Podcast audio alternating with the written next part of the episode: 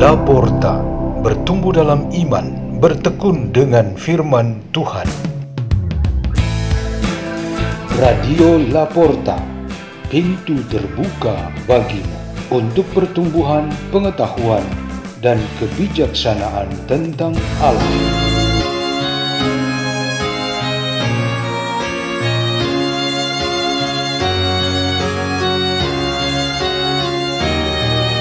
Bacaan dan Renungan Sabda Tuhan hari Jumat, Pekan ke-18 Masa Biasa, 5 Agustus tahun 2022.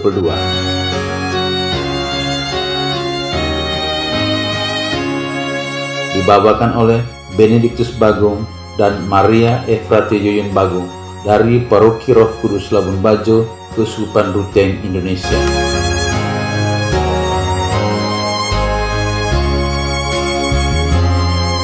Inilah Injil suci menurut Matius bab 16 ayat 24 sampai 28. Sekali peristiwa, Yesus bersabda kepada murid-muridnya, "Setiap orang yang mau mengikuti aku harus menyangkal diri, memikul salibnya, dan mengikuti aku. Karena barang siapa mau menyelamatkan nyawanya, akan kehilangan nyawanya. Tetapi barang siapa kehilangan nyawanya karena aku, ia akan memperolehnya. Apa gunanya bagi seorang jika ia memperoleh seluruh dunia tetapi kehilangan nyawanya? Apakah yang dapat diberikannya sebagai ganti nyawanya? Sebab Anak Manusia akan datang dalam kemuliaan Bapaknya, diiringi malaikat-malaikatnya. Pada waktu itu, ia akan membalas setiap orang setimpal dengan perbuatannya.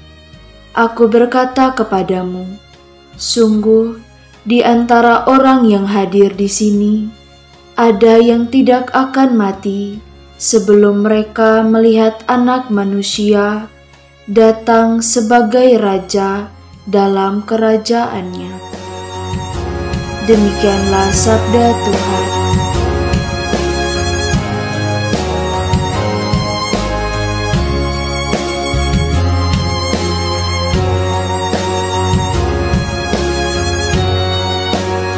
Renungan kita pada hari ini bertema Jika hidup ini bisa ditukar. Pertukaran barang di zaman dahulu dengan sistem barter terjadi misalnya pisang dibawa dari gunung ditukar dengan ikan dari pantai. Zaman telah berubah dan sistem pertukaran berubah sehingga istilahnya bukan lagi tukar menukar barang tetapi membeli barang kita memakai uang untuk membeli barang yang dijual di pasar, toko, dan pusat-pusat perbelanjaan. Apakah hidup seseorang bisa ditukar atau dibeli mengikuti cara seperti ini.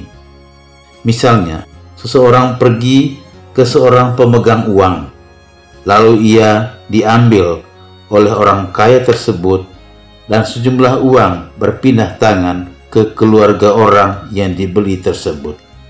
Mungkin bisa saja terjadi, namun kejadian itu dapat digolongkan sebagai sesuatu tindakan yang tidak normal bahkan tindakan kriminal. Pertukaran jenis ini terjadi dalam konteks pasar dan perdagangan. Tuhan Yesus mengajarkan satu jenis pertukaran hidup, tetapi tidak sebagai sebuah perdagangan.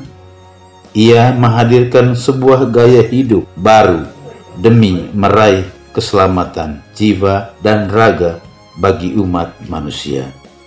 Kepada mereka yang memilih untuk mengikutinya, syarat utamanya ialah melakukan sebuah pertukaran hidup, yaitu perubahan pribadi dan semangat hidupnya. Gaya dan semangat duniawi yang membuat kita mementingkan diri kita dan hidup kita serba gampang serta ingin selalu dilayani, ditukar dengan gaya hidup baru dari Yesus ialah penyangkalan diri. Tanda utamanya ialah memanggul salib. Ini melengkapi apa yang sudah dilakukan oleh Tuhan, yaitu membeli kita dari dunia ini dengan harga yang mahal sekali. Kita dijadikan miliknya dengan ditandai pembaptisan dan kita menjadi bagian dalam gereja. Jadi kita mengalami suatu pertukaran hidup yang mencakup kepemilikan Tuhan atas diri kita dan gaya hidup dunia ini ditukar dengan gayanya Yesus Kristus yaitu penyangkalan diri. Ini bukan berarti dunia, budaya, dan hidup sosial tidak lagi sebagai bagian dari hidup kita atau sebaliknya kita sendiri kehilangan status di dunia ini. Kita sebenarnya masih mengalami dan memiliki semua, tetapi diri kita telah bertukar kualitasnya menjadi lebih tinggi, yaitu sebagai para pengikut Kristus. Martabat ini sudah kita miliki, dan kita merasakan betapa berartinya kita. Buktinya, kita berjanji untuk setia kepada Tuhan dalam kata dan perbuatan kita. Namun hal ini tidak membuat kita selalu luput dari godaan dan dosa. Justru tantangan besar bagi putra dan putri Allah ialah mempertahankan martabatnya itu. Nabi Nahum dalam pewartaannya mengatakan bahwa Tuhan selalu ingin memulihkan hidup manusia yang telah rusak karena dosa sebagai putra dan putri Allah, kita menjadi istimewa karena selalu dipulihkan oleh Tuhan yang Maha Baik. Marilah kita berdoa dalam nama Bapa dan Putra dan Roh Kudus. Amin.